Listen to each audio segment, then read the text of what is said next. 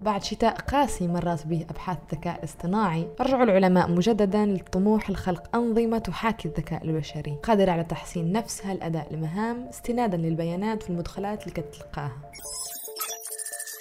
قدرنا نشوف سيارات ذات قيادة آلية وذكاء اصطناعي قادر على تشخيص أمراض السرطان. لكن العيوب أخذت في الظهور تباعا. فإلى جانب تركز شركات الذكاء الاصطناعي في يد قوة محددة في العالم وبلغة مسيطرة هي الإنجليزية. Good afternoon. My name is Sophia. انتبهنا كذلك لمظاهر تحيز. يرتكبها الذكاء الاصطناعي في أكثر من مكان. أين يكمن الخلل بالضبط؟ وهل ممكن تجاوزه بشكل ما؟ نستضيف عبد الله حمدي باحث دكتوراه في جامعة الملك عبد الله للعلوم والتقنية مؤسس منصة فهم التعليمية والتثقيفية. بمجال الذكاء الاصطناعي.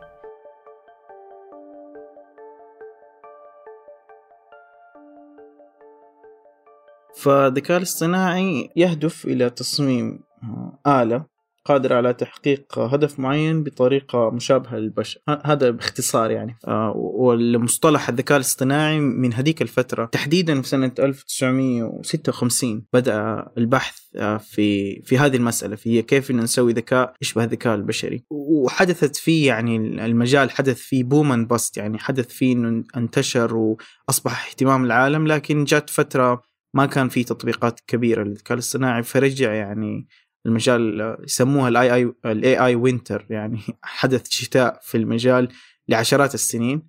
قبل أن يرجع في الفترة الأخيرة آه، في سنة 2012 حدثت آه، ثورة جديدة في الذكاء الاصطناعي هي ثورة التعلم العميق. اللي سمح بهذه الثورة شيئين اللي هي البيانات الضخمة متوفرة من الإنترنت والشيء الثاني اللي هو ال- القوة الحاسوبية الكمبيوتنج باور اللي موجودة بشكل آه، قليل الثمن. طبعا هو كان مجال آه، بحثي بحت يعني كان آه، من مجالات البحث في علوم الحاسب الكمبيوتر. الاهتمام كان إنه يعني الهدف كان إنه نحتاج نسوي جهاز أو برنامج يقدر يفكر مثلنا بحيث إنه بدل ما أجيب موظفين وأشغلهم معي في الشركة أقدر أشغل البرنامج هذا ويحل لي المشاكل اللي يحلها الموظف العادي. كانوا يبحثوا في تحديدا المجالات الطبية آه، من أوائل المجالات اللي بحثوا فيها. في يعني أنظمة طوروها سم- سموها بإكسبرت سيستم هو الأنظمة الخبيرة. كانت الفكرة منها إنه نبى نسوي طبيب آه، اوتوماتيكي يعني نخلي الكمبيوتر هو الطبيب هو اللي يشخص المرض. أو نبى مثلا آه، محامي خبير أوتوماتيكي بحيث إني ما أحتاج أجيب محامي. وانما أستخدم البرنامج هذا وهو يحل لي ال- القضية يعني بالكامل أو يعني. طبعا هذا كانت الأهداف الأساسية ونشأت شركات مبنية على هذه ال- ال- الفكرة في الثمانينات والتسعينات لكن للأسف التطبيقات ما نجحت في ديك الفترة. وعشان كذا جاء اللي هو الوينتر. أغلقت كثير من الشركات هذه وتقفل الموضوع بشكل كبير. حتى حتى التمويل البحثي في مجال الذكاء الاصطناعي قل بنسبة كبيرة. آه، إلى أن عاد مجددا مع بداية آه، سنة 2012 آه، إلى اليوم يعتبر مجال جدا من المجالات الذهبية اللي حاليا موجودة سواء في دعم البحث التطوير الشركات الناشئة التقنية. آه، حتى الشركات الكبيرة يعني أصبح الآن اهتمام حتى حكومات في كل مجال في كل مكان في العالم. يعني فعلا الحلم حلم الذكاء الاصطناعي وطموح العلماء في بدايات الفكرة إنه نخلق آلة تفكر مثل الإنسان تطبق حاليا يعني. صحيح. الهدف كان إنه يكون عندنا آلة آه، عندها قدرة عامة مثل البشر تماما. آه، حاليا كل أنواع الذكاء الاصطناعي يعرف بالذكاء الاصطناعي المحدود اللي هو نارو اي اي نارو يعني ليس له القدرة إنه يتفرج كرة قدم وبعدين يروح يبرمج وبعدين يروح يستخدم ال social media فاهمة كيف؟ إحنا قدرتنا كبشر عندنا قدرة على العامة. نقدر نتخاطب مع الناس نقدر نسوي مهام عملية نقدر مثلا نسوي رياضة. آه، نقدر ننجز أعمال مختلفة في بيئات مختلفة. فالقدرة العامة هذه آه، اللي عند البشر ما هي موجودة حاليا في الذكاء الاصطناعي. أغلب عمليات الذكاء الاصطناعي الآن محدودة. مثلا خلاص أنا ف- دربت نموذج على التعرف على الصور كل اللي يقدر يسويه تعرف على الصور ما يقدر يسوي أي شيء تاني فهذا الفرق اللي بين الذكاء الاصطناعي المحدود اللي هو الآن نجحوا فيه بشكل كبير في كثير من التطبيقات وبين الذكاء الاصطناعي العام اللي هو الهدف الأساسي كان. هو نقدر نوصل لمرحلة إنه يعني البرمجية تقدر تسوي أغلب المهام اللي يقدر يسويها الإنسان. يعني فيلم هير آه، هذا لساته خيال علمي مطلق إنه ال- الآلة تتواصل معك وتعمل مئة ألف آه، حاجة ثانية. آه صحيح هو كثير من أفلام هوليوود يعني كانت دائما موضوع الذكاء الاصطناعي. يعني موضوع جدا آه شيق لل- للمتابعين. أول فيلم أو أشهر فيلم تقريبا طلع عن الذكاء الاصطناعي فيلم The Matrix باجزائه الثلاثة يعني. طبعا في أفلام كثيرة مبنية على نفس الفكرة إنه الذكاء الاصطناعي Terminator أحد آه أكثر الافلام أيضا. آه اللي تعتمد على فكرة الذكاء الاصطناعي راح يسيطر على البشر أو راح يتحارب مع البشر. آه طبعا أنا ما راح أدخل إنه حنوصل لهذه المرحلة لأنه حاليا زي ما ذكرت إنه الذكاء الاصطناعي محدود زي المرسمه وزي زي القلم مجرد أداة تستخدم في نطاق محدود جدا. آه زي اللابتوب. ما ما قيد فكرنا إنه اللابتوب راح يعني يثور علينا في يوم من الأيام. لكن آه على الأقل يعني في الفترة ال- قريب المتوسط هذا شيء يعني مجرد خيال علمي يعني ما له أي أساس آه، آه، علمي لكن.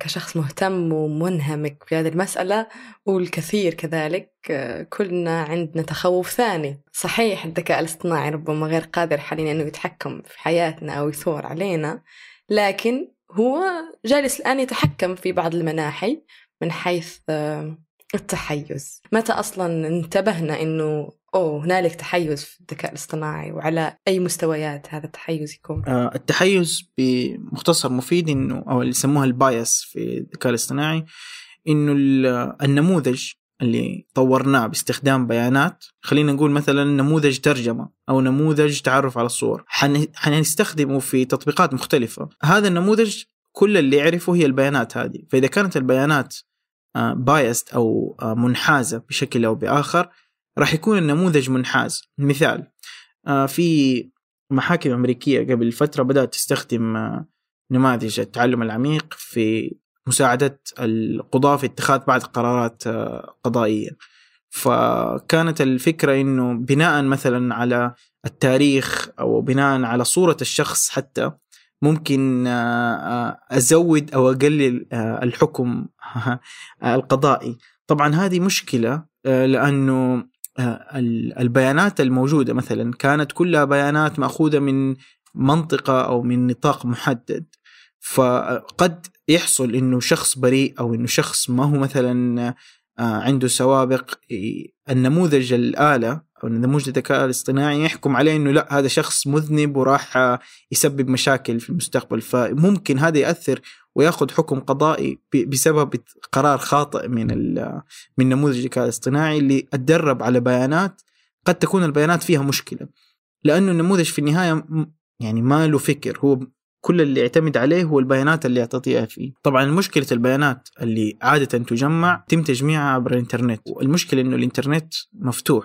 ما يعكس ال- الانطباع الحقيقي أو ال ال ال الواقع. يعني بعض الأحيان يكون في inflation الناس يصوروا أنفسهم بطريقة مختلفة في فيسبوك مثلا وتويتر وانستغرام ما تعكس الواقع. حتى الكلام اللي ينكتب في ال social media ما يعكس الواقع.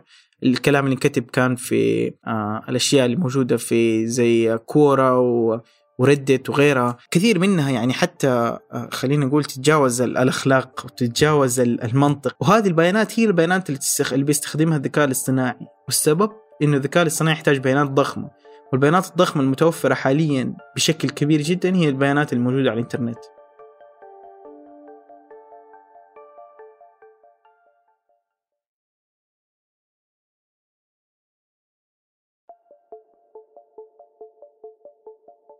يعني الشركات المسؤولة عن تغذية الذكاء الاصطناعي مستحيل إنها تجلس وتكتب بنفسها هذه البيانات الضخمة وتحرص أنها غير منحازة أو ما فيهاش أحكام جاهزة. نعم. ممكن تستخدم صور الموجودة على الإنترنت حتى الصور.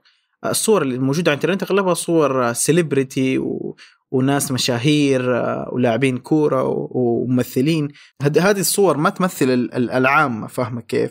فمثلا آه، ربما يكون آه، لون البشرة منحاز بشكل كبير مثلا البشرة البيضاء أو بشكل مثلا عرق معين آه، غير متوفر أصلا ما هو موجود في صور كثير في الإنترنت. وهذا يأثر طبعا بشكل أو بآخر على النموذج اللي راح يتطور بالذكاء الاصطناعي. والنموذج هذا راح يتخذ قرارات خاطئة بناء على البيانات المنحازة اللي تدرب عليها. جوجل كان عنده برنامج التعرف على الصور وبرضو آه، فشل في إنه يتعرف على صور الناس آه، ذوي البشرة الس- السمراء لأنه آه، حسبها إنها صور آه، آه، غوريلا. هذه مشكلة كبيرة. طبعا أيضا أحدثت ضجة ويعني جوجل تعهدت بأنه هذا الشيء ما يتكرر ابدا و- وإنه حيراجعوا كامل البرمجيات اللي تستخدم. لكن زي ما قلت لك هي مشكلة هي مشكلة في أساس تركيبة آه، الذكاء الاصطناعي إنه يعتمد على البيانات. وإذا كانت البيانات منحازة راح آه، تكون النموذج منحاز. الطريقة الوحيدة إنك تنظف البيانات. وهذه مهمة صعبة جدا لأنه بعض الأحيان البيانات تكون ضخمة عبارة عن مليارات ومليارات الصور والفيديوهات والنصوص صعب أي إنسان يمر عليها. والمجال مجال بحثي مفتوح يعني. في كثير محاولات لحل بعض هذه المعضلات. لكن المشكلة تكمن إنه الشركات بالذات الشركات اللي بتستفيد بشكل كبير من الناحية المالية من هذه النماذج ما تقدر توقف النماذج لأنه هذه النماذج الآن بتدر عليها ملايين الدولارات كل يوم. يعني مستحيل استراحة وتعالوا نص... نصلح ال... لا في الحقيقة في في آه، نموذج اسمه GPT 3 اللي هو نموذج آه، لغوي يستطيع تحليل اللغة يستطيع إنتاج آه، نصوص م- متناسقة يحتاج حتى الآن آه، يقدر يعني يكتب مقالات كاملة. الآن في نموذج ذكاء اصطناعي يقدر يكتب مقالة كاملة بس تعطي له عنوان المقالة. وصعب جدا تمييز من المقالة هذه كتبها إنسان أو موج... من المقالة من الآلة.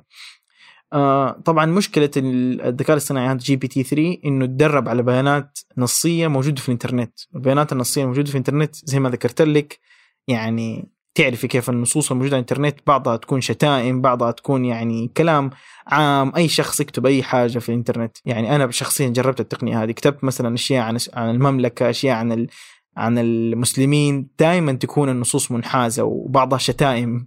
ف ففي باحثة في جوجل يعني نشرت بحث إنها تحذر من المشاكل المرتبطة بهذا النموذج اللغوي. الشركة ما ما يعني ما كانت جدا آه، مبسوطة من البحث هذا لأنه هذا يعني يعيق الشركة نفسها كانت بتطور نموذج خاص و- و- والنموذج هذا راح يدر عليها أموال. فالشركة ط- يعني بسبب التاتش هذا البحث اللي طلع حصل تاتش بين الشركة وبين ال- ال- الباحثة مشهورة جدا في المجال آه، والباحثة من أصول آه، أفريقية. فكانت آه، هذه مشكلة أيضا أحدثت يعني مشكلة إعلامية لشركة جوجل واتفصلت ال- ال- الباحثة المشهورة هذه من جوجل بسبب ال- الخلاف اللي حصل ال- يعني الشركة بت- بتحاول إنها تسوي آه، خلينا نقول تنقيح وبتحاول تطور الذكاء الصناعي يكون عادل. كل الأشياء هذه اللي نسمعها في تعرفي في الماركتينج في التسويق. لكن على أرض الواقع لما أظهرت المشاكل هذه في لقوا إنه في تعارض مع مصدر مالي كبير وضخم آه، حدثت المشكلة هذه. كثير من الشركات حتواجه نفس المشكلة. يعني أنا تخيل أقول لك إنه والله أنا أقدر أدخل مليون دولار في اليوم آه، إذا استخدمت النموذج هذا لكن إذا ما استخدمته حخسر المليون دولار لكن والله قد يسبب بعض المشاكل لبعض الناس. فللأسف نيجي للنقطة اللي هي قوانين. الذكاء الاصطناعي آه، الآن غير محكوم بأي قوانين. آه، هو عبارة عن برمجيات موجودة على ال open source في ال GitHub في اونلاين أي شخص يقدر يستخدمها. آه، أي شخص مو بس منظمة حتى أشخاص عاديين أفراد يقدروا يستخدموا التقنيات هذه. فما في أي قوانين. لا يمكن أصلا إنك تحط قوانين. اذا حصل إنه في منظمة عالمية بإشراف الأمم المتحدة آه، مسؤولة عن الذكاء الاصطناعي على مستوى العالم. ديك الساعة ممكن يصير اتفاقية عالمية آه، بحيث إنه يصير تنظيم لتطوير الذكاء الاصطناعي على مستوى العالم. أحد المنادين بهذا التنظيم آه، هو إيلون ماسك. دائما كان يحذر من الذكاء الاصطناعي إن الذكاء الاصطناعي راح يسبب مشاكل كبيرة عالميا الذكاء الاصطناعي أسوأ من الطاقة التقنية النووية لأنه تأثيره أكبر. وكان دائما يطالب بتنظيم عالمي لكن إلى الآن زي ما قلت لك ما في أي قوانين عالمية على مستوى العالم آه، تحدد من هذا الشيء. الشركة شركة جوجل أصدرت قوانين أو طلعت لائحة قوانين يعني لتنظيم الذكاء الاصطناعي فيها وممكن تستخدم في أي مكان ثاني لكن زي ما قلت لك هي نفسها شركة جوجل عانت من مشاكل في هذه في هذه الناحية. ففاقد الشيء لا يعطيه لا, لا يمكن القطاع الخاص هو اللي يحط القوانين لأن القطاع الخاص هو المستفيد. وهذا بالضبط كان سؤالي لأنه ذكرت نقطة أنه أحيانا لو شركة ترغب في دخول آه، سوق معين أحيانا هنالك آه، تجارب معينة ينبغي أنه هذا هذا الخدمة أو هذا المنتج أنه ينجح فيها. فهل عربيا عندنا هذه الإمكانية في القطاع الصحة أو حتى في التقنية المتوفرة لعامة الناس أي في ال social media وغيرها يعني؟ هو الأشياء اللي تنطبق على العالم العربي نفسها هي الأشياء اللي تنطبق في كل العالم يعني. الذكاء الاصطناعي في النهاية هو برنامج ما يعرف لغة أو عرق أو جنس أو آه، مكان جغرافي ما يفهم هو برنامج في النهاية. يعتمد على بيانات مدخلات ومخرجات. طريقة الاختبار آه، زي ما قلت لك ما في طريقة حاليا سهلة لاختبار الانحياز سواء على مستوى العالم أو حتى على مستوى العالم العربي. ما في طريقة نظامية أو يعني واضحة إنه كيف الشيء هذا يصير. آه، أصلا في العالم العربي يعني للأسف يعني إحنا متأخرين بشكل كبير عن العالم من دي الناحيه استخدام ال deep learning والتعلم العميق والنماذج التعلم العميق في على مستوى القطاع الشركات على مستوى الحكومات على مستوى المنظمات. متأخرين جدا في هذا المجال. طيب لو لو تحدثنا حاليا نعرف مشاكل آه، الذكاء الاصطناعي. قدرنا أن نصنفها ونعرف بالضبط مكان الخلل فهل ممكن نطمح إنه فعلا ممكن تكون آلة وبرنامج مخرجاته صحيحة وغير منحازة؟ يعني في نطاق الممكن ليس في نطاق المستحيل. كيف؟ لا حد يعرف. عشان كده هو مجال بحثي آه، مفتوح حاليا. يعني الباحثين في كل أنحاء العالم بيحاولوا يلاقوا طريقة أو أخرى لإنه اولا اختبار جودة النماذج من ناحية الانحياز طريقة أو طرق للتعرف على الانحياز في البيانات عشان يتم تنظيف البيانات قبل أن تستخدم في تدريب النماذج. لكن زي ما قلت لك المشكلة أنه أوكي أنا دربت نموذج بحيث أنه ما ينحاز للون البشرة في الصور. ماذا عن العرق؟ ماذا عن أشياء أخرى؟ وكل ما راح نطلع بأشياء راح تطلع لنا أشياء أخرى ما حسبناها لها حساب. بس أعتقد الإجابة عن هذه الأسئلة اللي تبقى مبهمة هي من الضروري أن تبدأ الآن وعلى رأسها ربما صياغة قواعد دولية تقيد وتنظم استخدام الذكاء الاصطناعي كخطوة أولى وكذلك التعليم لتقوم به منصة فهم الكثير أعتقد حول العالم من من المنظمات. هذا شيئين من الأساسي تنفيذهم هما إذا كنا نطمح لأن هذا الذكاء الاصطناعي آه، يزيد من رفاه البشر بدل خلق مشاكل جديدة لم تكن بالحسبان. أنتجت هذه الحلقة غيداء جمعان أشرف على إنتاجها ثمود بن محفوظ وفي التحرير عبد الله المالكي وأحمد حامد. كيف نصنع مستقبلا أفضل؟ شاركونا مقترحاتكم وأسئلتكم على بريد البرنامج بكرة at ثمانية dot com وتابعونا على حساب إذاعة ثمانية على تويتر at ثمانية بودكاست.